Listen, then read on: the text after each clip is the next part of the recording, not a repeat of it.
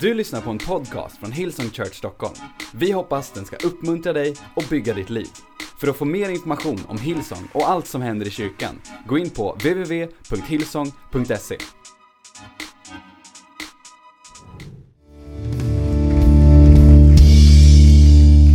Härligt! hörni, vilken förmån att få eh, dela Guds ord tillsammans med oss den här eh, förmiddagen. Är ni laddade? Har du med dig Bibeln? Ja, typ en, tre stycken hade det.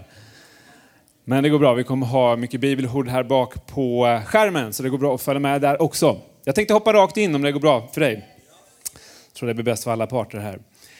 Eh, vet du vad, har du tänkt någon gång på att eh, så många saker i livet och så många saker runt omkring oss eh, är en process.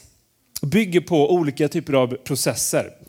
Jag kommer, jag, kommer, jag kommer ta oss någonstans här, så bara häng, sitt kvar, sitt lugnt, så kommer jag bara ta er någonstans här tänkte jag. Vet du, allting, allting, som är, ehm, allting som är riktigt värdefullt, allt sånt som, som vi värderar högt i samhället, eller sånt som vi tycker är, är vackert, är ofta någonting som har gått igenom en process för att nå fram till det värdet som, som det har idag.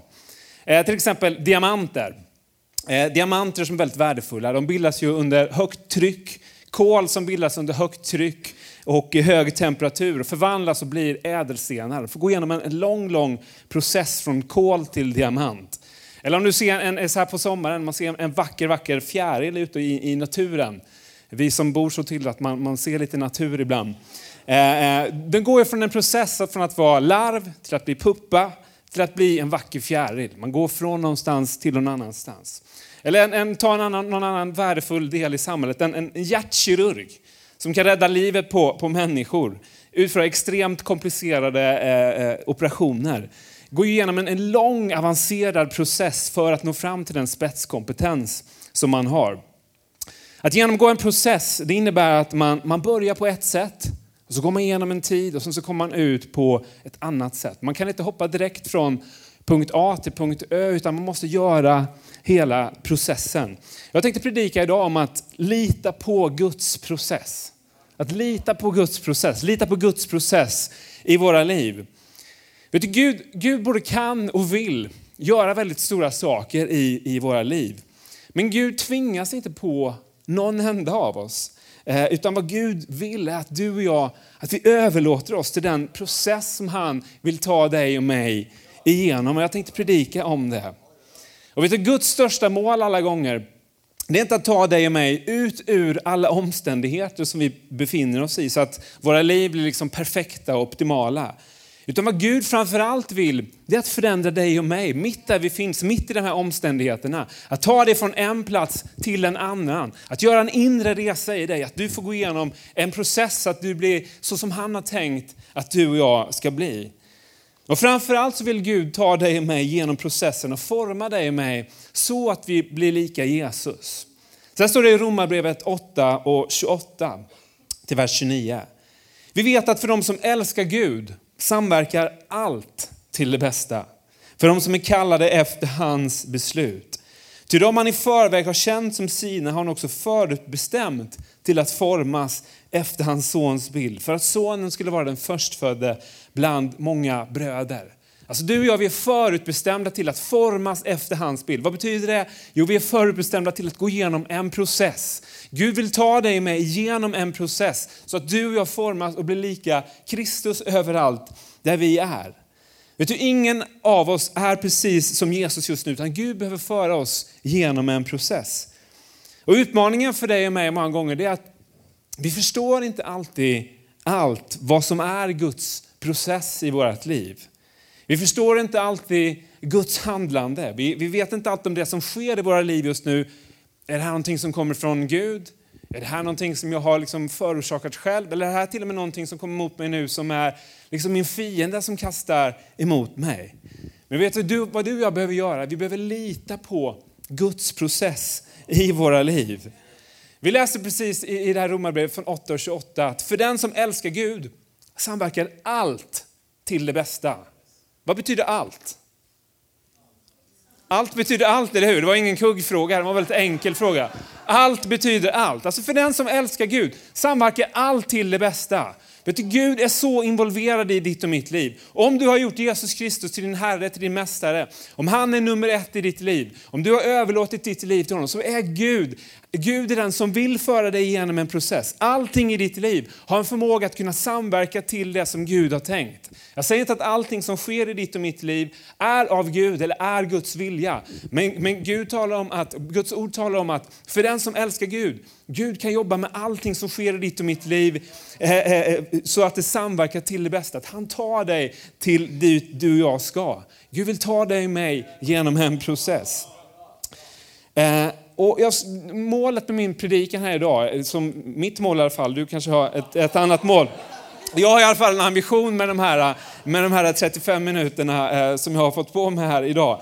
Men vet du vad, skulle jag hjälpa dig och mig att sätta en större tillit till den process som Gud vill ta dig och mig igenom. För jag tror att en utmaning för oss, ibland blir man frustrerad när man tittar på, på sitt liv. Man undrar var, var, varför händer det ingenting? Varför händer det inte mer? Varför har jag inte kommit längre? Varför sker det inte mer? Varför går inte mina drömmar i uppfyllelse? Varför är jag inte allt det där som jag skulle vilja vara? Men jag skulle bara säga att ha lite is i magen. Lita på Guds process. Om du har överlåtit dig själv till Gud, Gud är angelägen att ta dig igenom en process så att du blir allt det som han har tänkt att du blir. Inte först och främst kanske att alla förutsättningar och omständigheter i ditt liv förändras, men han vill förändra dig mitt i alla de här omständigheterna. Vi behöver lära oss att lita på Guds process. För livet, livet tillsammans med Gud är ett liv som helt och hållet bygger på tro. Och tro i kristen eller biblisk bemärkelse, det är inte någonting som är vagt eller tveksamt, utan tvärtom beskriver tron som någonting som en visshet, som en övertygelse. Hebreerbrevet 11 och 1 säger så här. Tron är en övertygelse om det man hoppas. En visshet om ting som man inte ser. Vi ser inte allting, men vi har en inre visshet. Och Bibeln talar om att det finns en, en nödvändighet av att ha den här tron. Eh, och det står så här i Hebreerbrevet 11, vers 6. Att utan tro så är det omöjligt att behaga Gud. För den som kommer till Gud måste tro att han finns och att han lönar dem som söker honom. Alltså att ha en inre visshet, en inre syn, en inre eh, övertygelse är någonting som är nödvändigt i livet. Men en sak som är eh, karaktäristisk och kanske är lite jobbig när det handlar om tron, är att tro är ingenting som vi ser med våra fysiska ögon.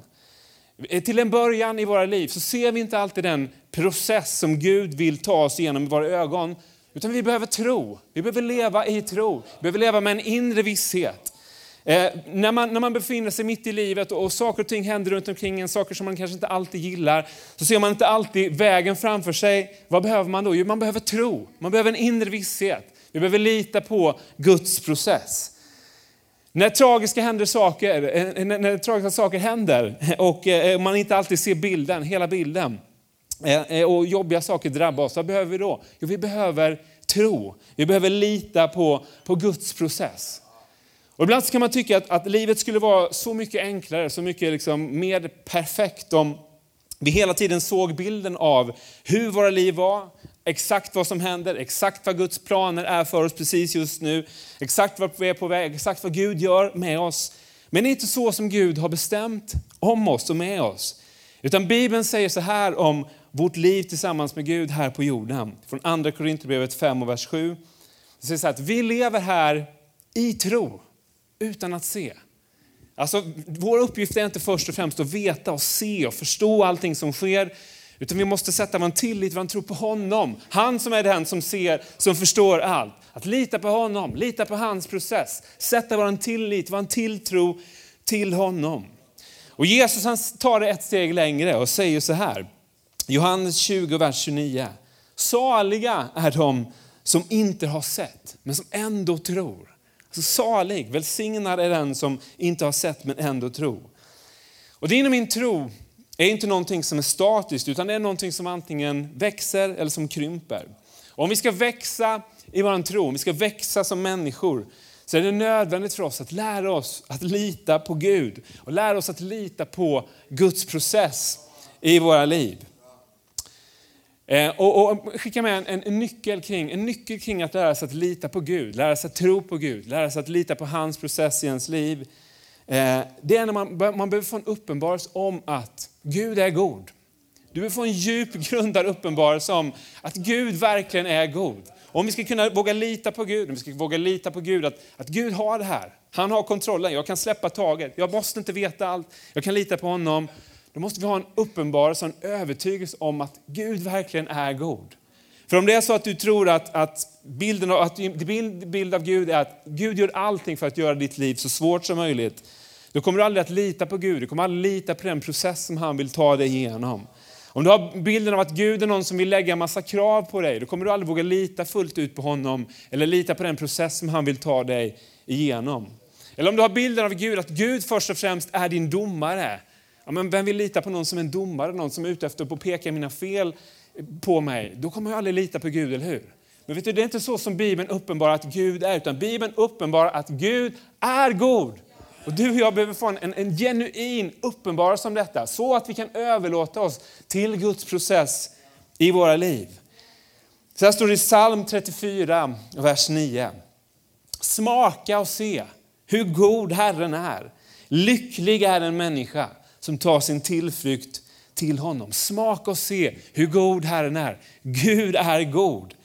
Vet du, vi behöver alla växa i tillit till Gud och vi behöver, behöver till den process som han vill ta oss igenom. Men, men innan som du och jag får en uppenbarelse om hur stor och god Gud är, så är det svårt att fullt ut lita på honom. Vi har så mycket att tacka Guds godhet för. Bland annat säger Bibeln så här i Romarbrevet 2, vers 4. Föraktar du hans stora godhet, mildhet och tålamod och förstår inte att det är hans godhet som för dig till omvändelse.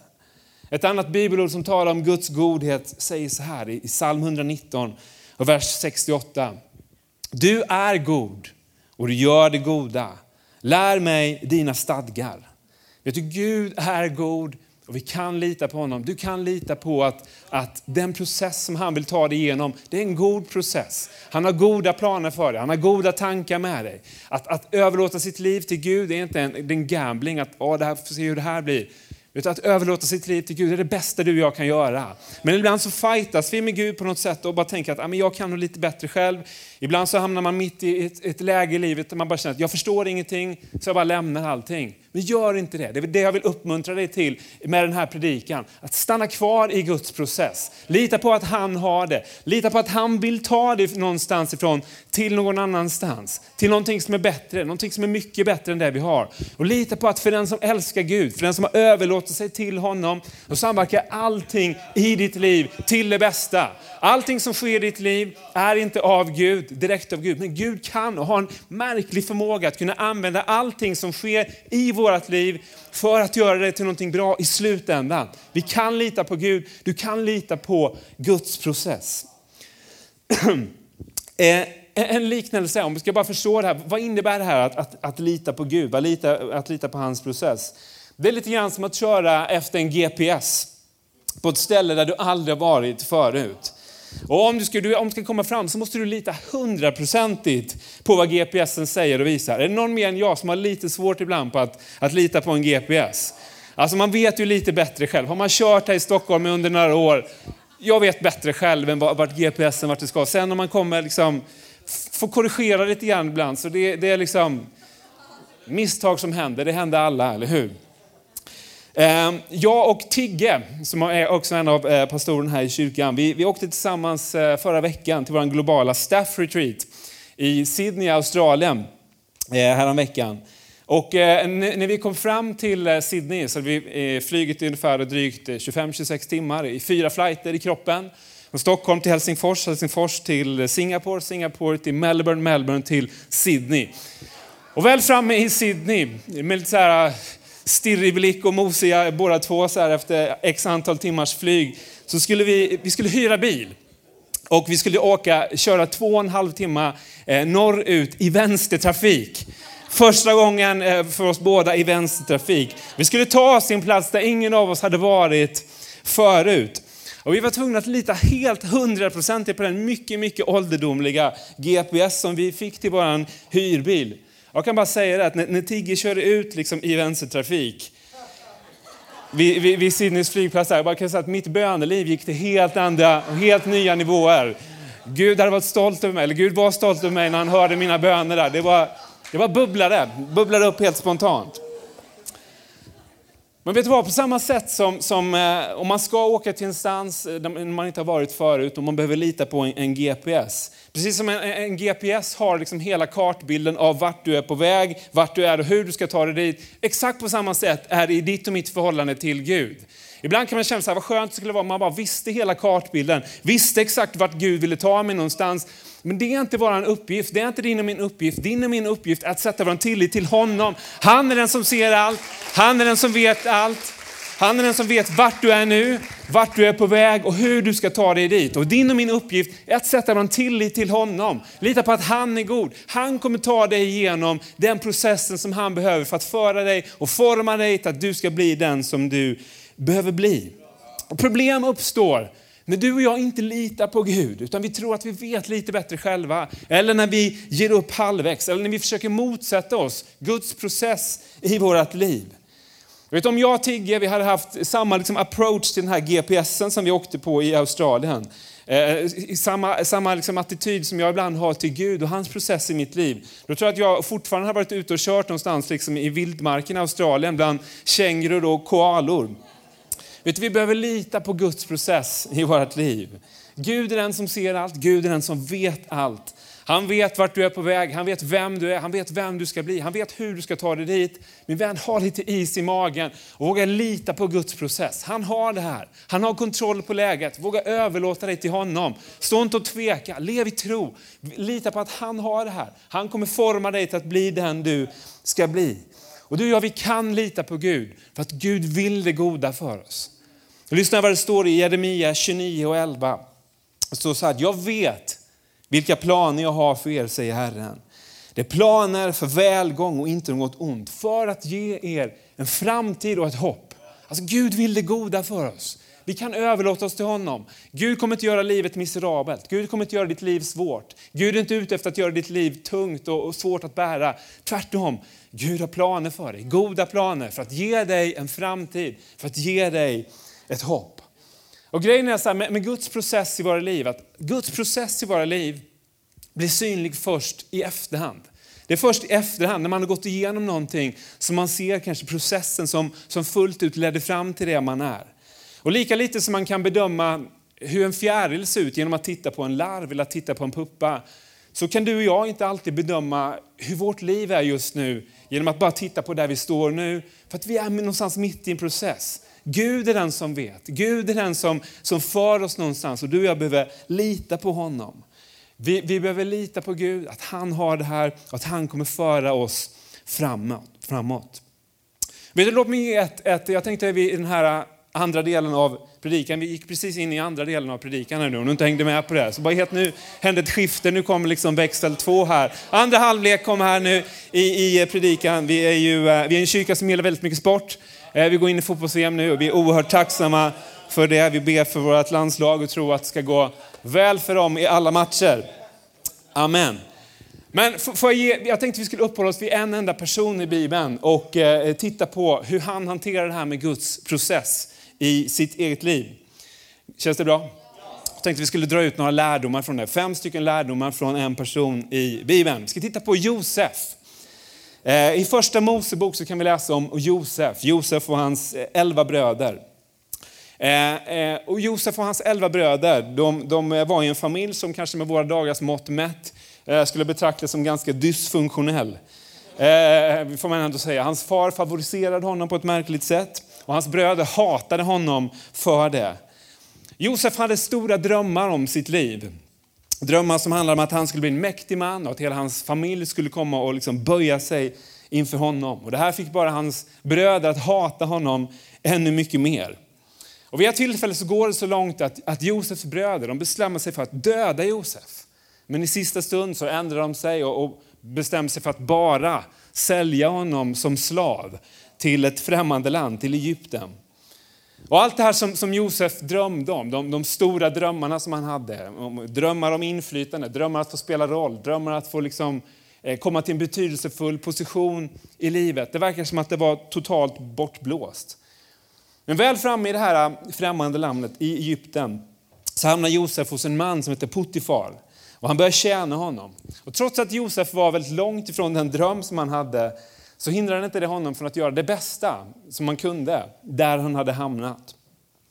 En dag hos den här, jag känner att det blev liksom söndagsskola här. Det känns som att vi, vi förflyttar oss helt plötsligt till Kids Church här, men hoppas det går bra. Jag är på väg någonstans med det här. En dag så blir Josef eh, falskt anklagad för våldtäkt, fruktansvärd anklagelse, och hamnar i fängelse. Och precis när det här börjat gå bra för honom så är det som att allting krasa ner igen. Det hoppet som hade börjat tändas det gick bra för honom i Puttifars hus. Han, han liksom når en viss position där. Men helt plötsligt blir han anklagad, falskt anklagad för våldtäkt. Hans, eh, hans, eh, hans husfar liksom sätter honom i fängelse och allting verkar helt borta igen. Men Josef han ger inte upp. Utan han gör sitt bästa där han har hamnat och snart så leder det till att han får inflytande i fängelset. Väl i det här fängelset så, så får Josef möta två stycken eh, av faraos tjänare som har blivit fängslade. De här har, har vid två olika tillfällen varsin dröm och Josef hjälper dem att uttyda dem. Josef har fått en gåva från Gud att kunna uttyda drömmar. Och uttydningar som Josef ger eh, verkar stämma för båda. Och efter ett tag så leder det till att Josef efter mycket om och men hamnar direkt under farao för att styra landet. Och från det att, att Josef hade sin dröm, han hade en dröm i sin tonårstid, i sin ungdom, om att få, få betyda någonting, om att få, få komma i en inflytelserik position. Från det att han hade den här drömmen till det att han faktiskt hamnade under faraos som, som andre man i Egypten, så går det 13 år. Eh, Gud var tvungen att ta honom igenom en process. Han var tvungen att lita till Guds process. Eh, och Josef han hade fått vishet från Gud om hur Egypten skulle agera under år som de stod inför. År med goda skördar och det skulle också komma sju år med, med, med svält. Och han hade fått vishet hur de skulle agera kring detta. Och den här hungersnöden som, som kom efter några år, den drabbade hela världen. Den drabbade även Josefs ursprungsfamilj, hans bröder.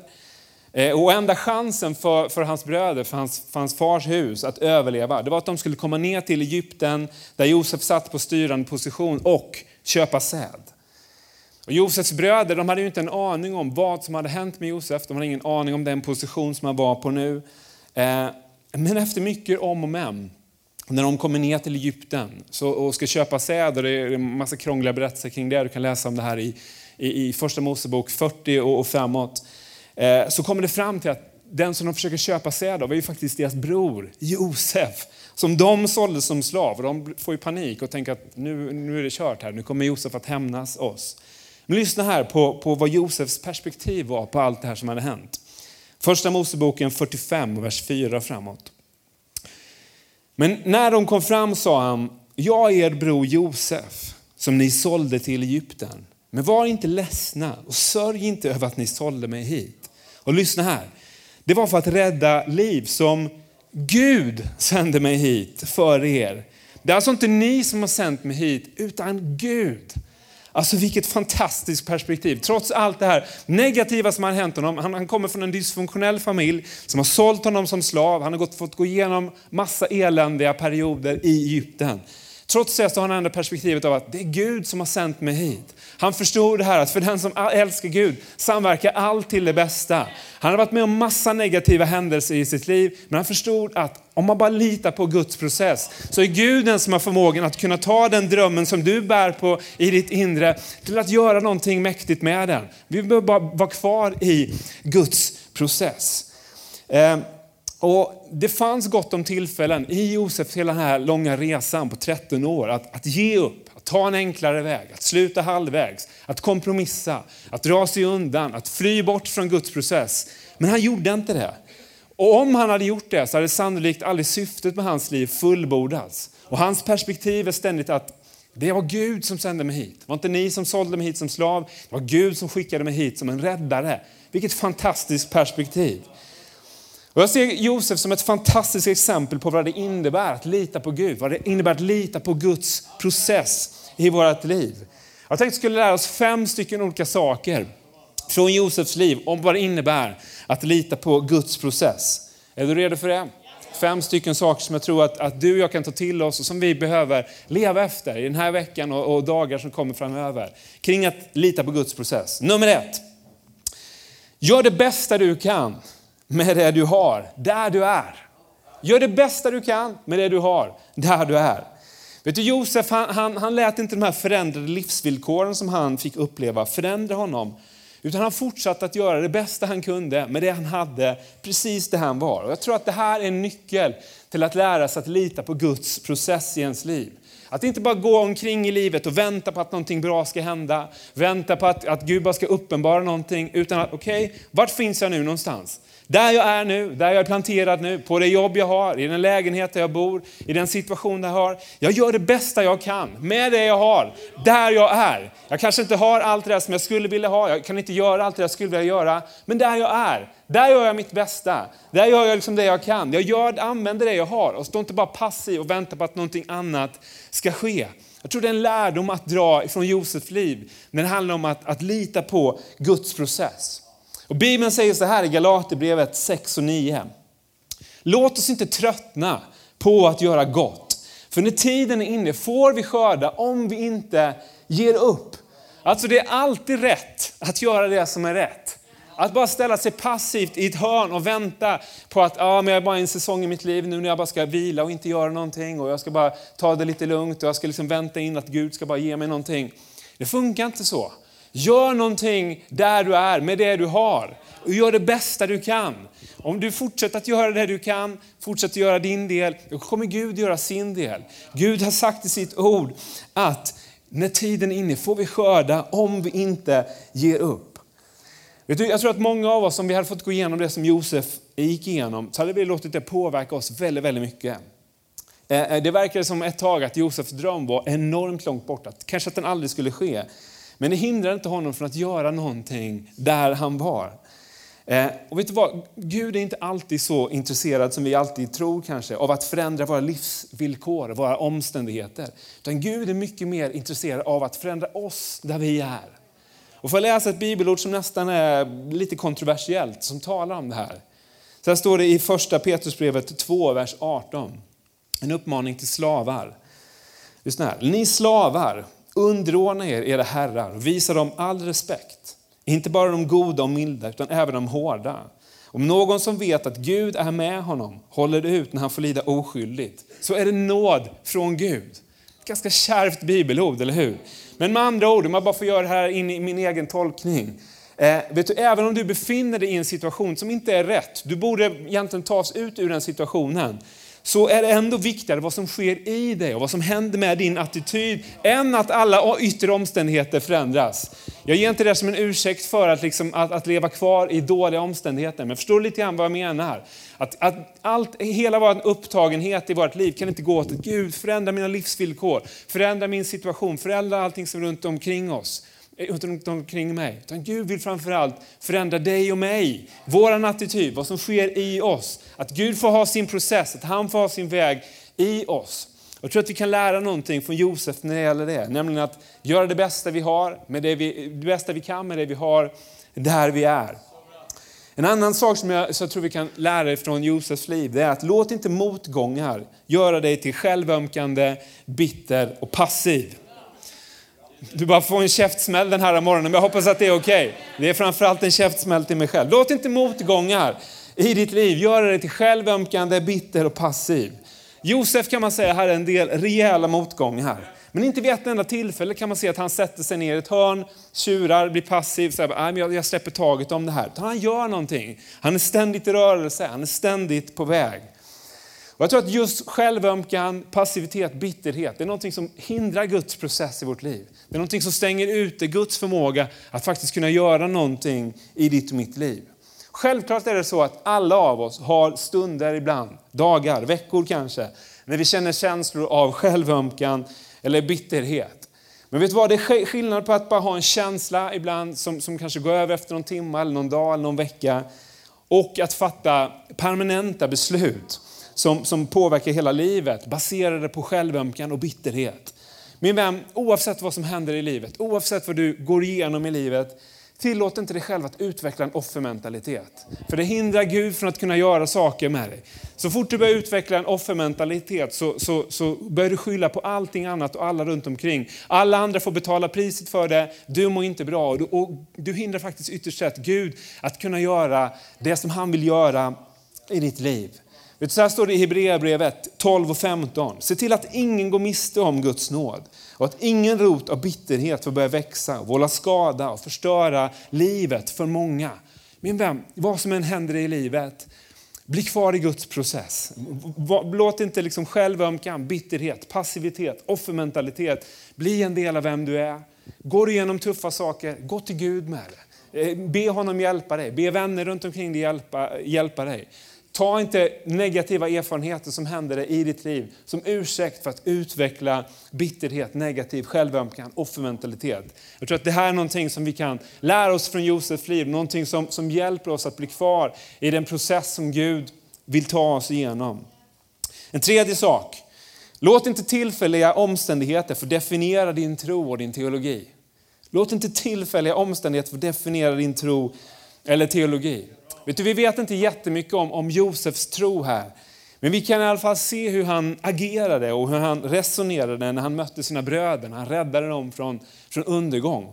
Men man kan bara fundera lite grann. Tänk om det hade varit så att, att Josef hade definierat sin gudsbild och sin teologi utifrån när han blev såld som slav av sina bröder. Vad hade han, vad hade han skrivit för bloggar då? Vad hade han skrivit för böcker då?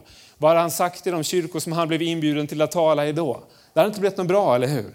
Eller vad hade hänt om, om Josef hade definierat sin gudsbild utifrån att han blev falskt anklagad för våldtäkt? En fruktansvärd anklagelse.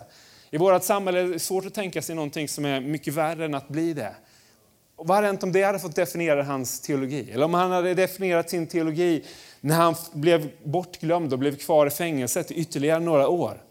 Men man ser inte vid ett enda tillfälle att, att det är det här som får definiera hans teologi, utan han visste vem Gud var. Han visste att Gud är god. Gud är den som kan ta igenom honom genom en process så att Gud kan fullborda sina syften med hans liv. Det tog 13 år för Josef, att, från det att han hade sin dröm till det att han var andre man under farao. Ibland så tror jag att vi bara behöver lära oss att ha is i magen och lita på Guds process i våra liv. Eh, låt Guds ord få vara det som definierar din teologi. Låt Guds ord få vara det som definierar din tro. Inte alla dina tillfälliga omständigheter, inte allt det som sker i livet. Du vet inte vad Gud kommer göra med det som sker i dig just nu. Du vet inte vilken process som Gud kommer ta dig genom. Lita på Gud. Lita på Guds process i ditt liv. Psalm 119, vers 68 säger att du är god och gör det goda. Lär mig dina stadgar. Det är inte alla saker runt omkring oss som ska definiera vad en tro. Låt Guds ord få definiera din tro. Två saker till som jag tror vi kan lära oss från Josefs liv och kring att vara kvar i Guds process. Nummer fyra, gå den höga vägen. Vet du, när Josef möter sina bröder, när de är i jättestort behov av att få köpa säd för sin egen överlevnad, så har Josef ett jättesmashläge för att ge igen för allt vad de har gjort mot honom. Men han gör ju inte det, han går ju den höga vägen. Han förstod det högre syfte som Gud hade med hans liv. Han förstod värdet av att leva i förlåtelse av nåd. Han förstod att det var Gud som hade tagit honom från allt det här han hade gått igenom för att rädda hela den kända världen. Och, och han hade en uppenbarelse om nåd och förlåtelse. Och på samma sätt så tror jag att du och jag, vi behöver lära oss att gå den höga vägen om vi ska kunna lita på Guds process i våra liv. Bibeln säger så här i Kolosserbrevet 3 och 13. Ha överseende med varandra och förlåt varandra om ni har något att anklaga någon för. Så som Herren har förlåtit er ska ni förlåta varandra. Vet du, vi har en kallelse från Guds ord att förlåta människor, ge människor nåd. Att inte leva i bitterhet, att inte leva i självömkan, offermentalitet på grund av allt som händer, utan att gå den högra vägen. Jag tror att det är en lärdom att dra från Josefs liv. Den handlar om att bli kvar i Guds process i våra liv. En femte och sista sak som vi kan lära oss medan lovsångsteamet kom upp här. Lita på att Gud har kontrollen. I ditt liv, i det som sker i ditt liv, i det som sker i mitt liv. Lita på att Gud har kontrollen. Ytterst sett så, så levde Josef ett liv som gav uttryck för att Gud är den som har kontrollen. Vet du, Gud är den som ytterst sett har kontrollen i ditt och mitt liv. Även om allting i ditt liv verkar vara kaos just för tillfället. Vet du, tidens längd kommer det visa sig. Det är Gud som råder. Det är Gud som regerar. Gud är den som kan låta allting som sker i ditt och mitt liv samverka till det bästa. För de som älskar honom, för de som har gett sig till hans kallelse, för de som har gett sig till det som han har kallat oss till. Vet du vad? Om du har gjort Jesus till din herde, om du har gjort Gud till din Herre och din Mästare, så, så kommer han att leda dig, oavsett om det ser tufft ut just för tillfället. Så här står det i psalm 23, vers 3-4. Han ger liv åt min själ. Han leder mig på rätta vägar för sitt namns skull. Även om jag vandrar i dödsskuggans dal, alltså även om jag är mitt i min process och det är som tuffast, fruktar jag ingenting ont, för du är med mig, din käpp och stav, de tröstar mig. Vet du, du och jag, vi behöver inte veta hela vägen. Vi behöver inte se hela bilden. Det viktigaste är att du och jag sätter vår tillit till honom, till han. Han som är vägen, sanningen och livet. Han som ser allting, han som vet allting. Min vän, bli kvar i Guds process. Lita på att Gud har det här. Gud har kontrollen. Gud är den som är i kontroll. Även om ditt liv känns rörigt just nu. Även om du känner att den här drömmen som jag hade i mina tonår, det här som jag drömde om i 20-årsåldern, vad hände med det egentligen? Lita på att Gud har sin process i ditt liv. Överlåt det till honom. Stoppa inte upp halvvägs. Stanna inte bort eller liksom ge, ge, ge vika eller gör någonting helt annat. Bli kvar och lita på att Gud har sin process i ditt liv. Lita på honom, han kommer att göra det. Gud är för dig, Gud är med dig, Gud är på din sida. Lita på Guds process. Han vill ta dig till platser som du absolut inte trodde att du kunde ta dig till själv. Han är den som formar dig. Han är långt mycket mer involverad i ditt liv än vad du någonsin kan förstå själv. Amen. Ska vi stå upp tillsammans, ska vi be, vi ska sjunga en sång alldeles strax, men bara låt mig be för dig så här i slutet av vår eh, predikan här. Herre Jesus, jag tackar dig Herre. Tack att du är den som har stora höga planer med våra liv Herre. Herre, tack att du är den som har förmågan att kunna forma oss, kunna göra saker med vårt liv. Tack att du är den som har förmågan att kunna ta allt det som sker i våra liv. Du har lyssnat till en podcast från Hillsong Church Stockholm. Om du vill veta mer om vår kyrka eller om våra söndagsmöten, surfa in på www.hillsong.se.